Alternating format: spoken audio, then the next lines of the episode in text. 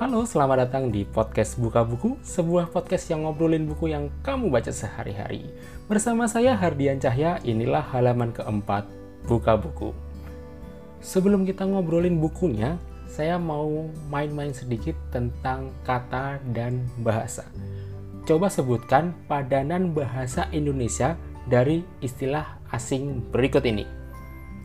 Online hyperlink, upload,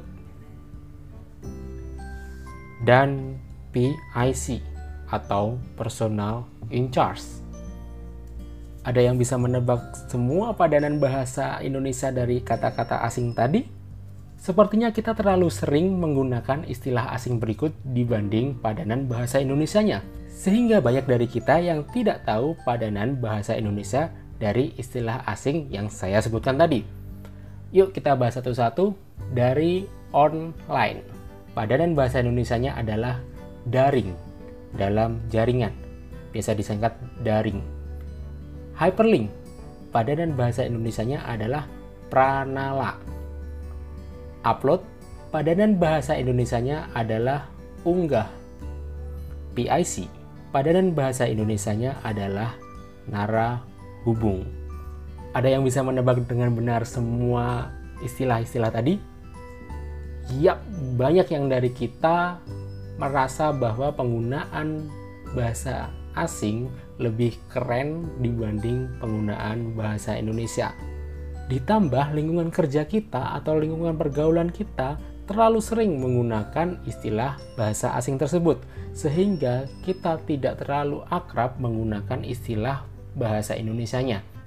Kalau saya pribadi ya, sepertinya ketika saya kuliah, saya tidak pernah menggunakan istilah meeting. Saya lebih akrab menggunakan istilah rapat.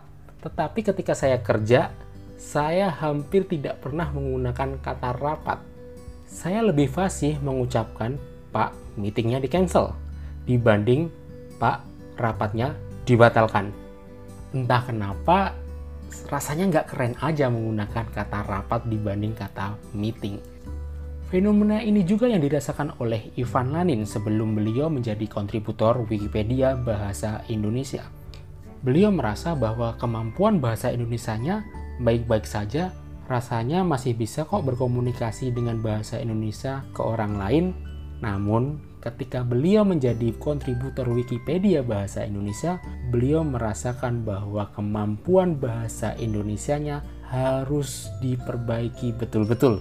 Karena itu beliau mulai lagi mendalami bahasa Indonesia yang baik dan benar.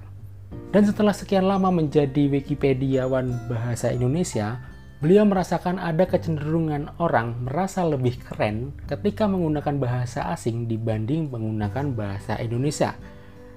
Dalam bukunya, Ivan Lanin menyebut fenomena ini dengan istilah xenoglosophilia. Karena itu, Ivan Lanin menyusun buku berjudul Xenoglosophilia, Kenapa Harus Inggris. Inilah buku yang akan kita bahas di halaman keempat podcast Buka Buku. Baiklah, Xenoglosophilia, kenapa harus nginggris? Tulisan Ivan Lanin, terbitan penerbit buku Kompas. Ini cukup menarik ya, uh, covernya, maaf, sampulnya berwarna jingga. Ini dibagi menjadi tiga bagian. Pada bagian pertama, Ivan Lanin memberi judul Xenoglosophilia, berisi tentang padanan kata bahasa Indonesia yang bahasa Inggrisnya kita gunakan sehari-hari. Pranala, narablok, pedantis, tetikus. Ada yang paham nggak nih? Grit, tagar, aksara, perintis, swakria. Oke, saya nggak tahu ini apa. Tanja, kepo, lawakan tunggal, dan sebagainya. Beliau menuliskan padanan bahasa Indonesia dari istilah-istilah bahasa asing yang sering kita gunakan sehingga kita akan tahu padanan bahasa Indonesianya. Pada bagian kedua, beliau memberi judul Tanja. Tanja ini kepanjangan dari tanya jawab. Kalau bahasa asingnya adalah FAQ, Frequently Answer and Question, kalau tidak salah ya. Ini berisi tentang hal-hal yang sering kita tanyakan mengenai bahasa Indonesia. Sebenarnya mungkin ilmunya ini kita sudah dapat di pelajaran bahasa Indonesia waktu kita sekolah. Tapi karena sebagian kita adalah kelompok murid yang selalu duduk belakang dan menganggap bel pulang dan bel istirahat adalah lonceng surga, kita melewatkan waktu pelajaran bahasa Indonesia. Dan banyak hal-hal yang sering kita tanyakan lagi saat kita menggunakan bahasa Indonesia dalam keseharian saat kita sudah dewasa. Dan udah Ivan Lanin merangkumnya pada bagian kedua. Contohnya adalah apakah kata beliau perlu diawali dengan huruf kapital? Bagaimana cara menulis singkatan dan akronim? Ada lagi mengapa pasta gigi dinamai odol?